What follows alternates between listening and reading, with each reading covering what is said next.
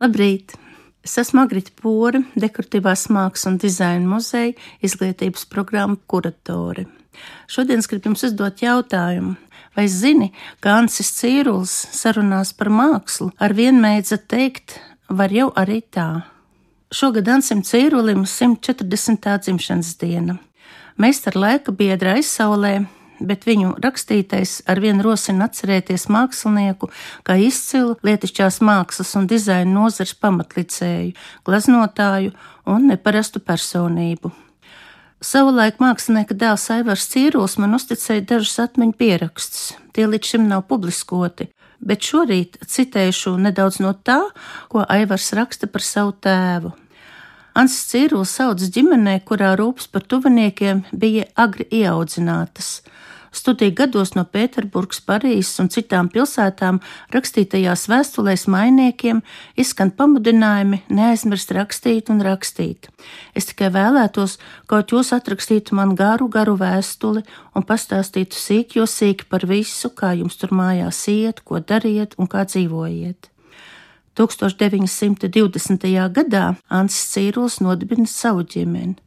Salauzājis ar skolotāju Sofiju Veisu, Viņš gan esot baidījies, ka ģimenes dzīve ierobežos radošo darbu un personisko brīvību, bet tas izrādījās velti. Sofija labi saprata un atbalstīja mākslinieku. Kaut arī nebija viegli drīz pēc laulībām samierināties ar cīruļa mākslas studijām Parīzē. Kādā vēstulē Sofijai mākslinieks rakstīja: Es nevaru tik šauri, man vajag plašuma, vajag skaistumu, vajag tāles un pārtraukumu dzīvē. Te es esmu visu dienu ārpus mājas, muzejos, uz lekcijām, akadēmija, jeb staigāju pa ielām un dažreiz nosēžos kafejnīcā. Vienmēr cenšos vairāk redzēt, dzirdēt, uzņemt. Muzejos es taisu dažas piezīmes atmiņai, un vienu otru lietu uzzīmēju burtnīcā. Lekcijās klausos uz mākslu attiecīgas lietas, tas arī, lai valodu mācītos. Akadēmijā zīmēju uzmetumus pēc modeļa arī paielējot reizēm taisu sīkus uzmetumus. Tas arī būtu viss. Kas attiecas uz pašu glazmu taisīšanu, tad to var arī citur, bet tās mantas ir tikai te. Ir atkal rīts, es dzeru tēju, man pašam ir jau sava saimniecība, ir spirta lampa, ir alumīnija teikaniņa, glāzes, karotes, viss. Nedomā pārāk lielu komplektu, dažas lietas nopirku, bet daži sīkumi bija uzglabājušies no priekškara laika. Vēlākajos gados mākslinieks vairs nedodas uz Parīzi. Viņa ģimenē auga trīs dēli - Aivars, Ojārs un Uldis. Ir daudz darba un rūpju. Rīgā viena adrese nomaina otru. 1924. gadā Cīruļa dzīvoja Ādmiņa ielā. Sofija strādāja par skolotāju, bet Ansis Nacionālajā līgā un arī mājās.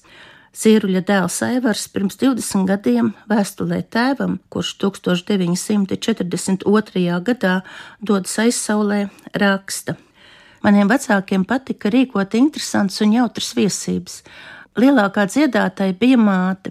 Sofijai bija laba balss. Pie mums viesojās gan mana jaunākā brāļa Ulda Krustēvs, skolotājs un rakstnieks Jēkabs Jansons Saiva, kurš rakstīja tekstus brāļu laivinieku dziesmām, Ernests Brastiņš un citas sabiedrībā zinām ļaudis. Atceros, ka Ādmiņu ielā skatījos pa logu un pavadīju tevi acīm, kad tu devies savās gaitās. Tavos soļos izpaudās kaut kāda elastīga, aizturēta, neatraisīta enerģija, kura varbūt tev neļāva izlādēties mājas apstākļos. Iespējams, ka kļūdos, bet kādēļ tad tieši atmiņa fiksējusi tavu gaitu?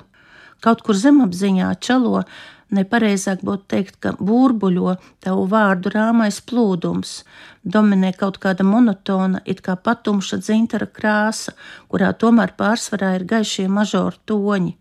Neatceros, ka būtu dzirdējis tevi sakām ko negatīvu par kādu cilvēku.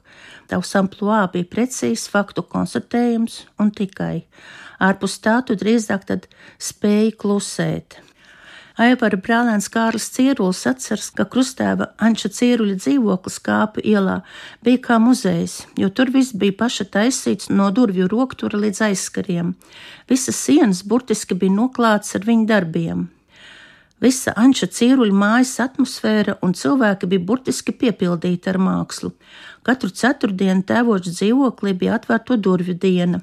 Kāpu ielas namā pulcējās daudzi toreizējās Latvijas inteliģents pārstāvji - rakstnieks Anšlaus Eglītis, mākslas vēsturnieks Jānis Dambrovskis, Jākaps Bīna, Jānis Akuraters un citi uz galda kūkas, un visi strīdējās par mākslu, bet Ansis Cīrulis nevienam neuzspieda savu gribu. Asajos strīdos ik pa lēkam atskanēja viņa mierīgā balss. Var jau arī tā.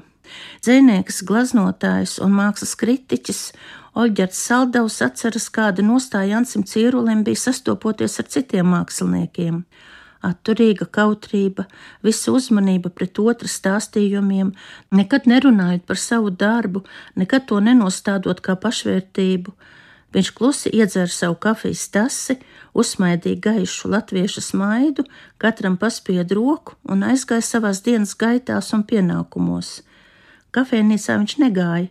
Mīlēdams tās atmosfēru, viņš to apmeklēja īsu brīdi pusdienas cēlienā, kad tur kādreiz salasījās latviešu glaznotāji un literāti. Bet sacītais ir tikai maza epizode no cīruļa dzīves gaitām, kuras viņš nostaigāja darbīgs un pieticīgs.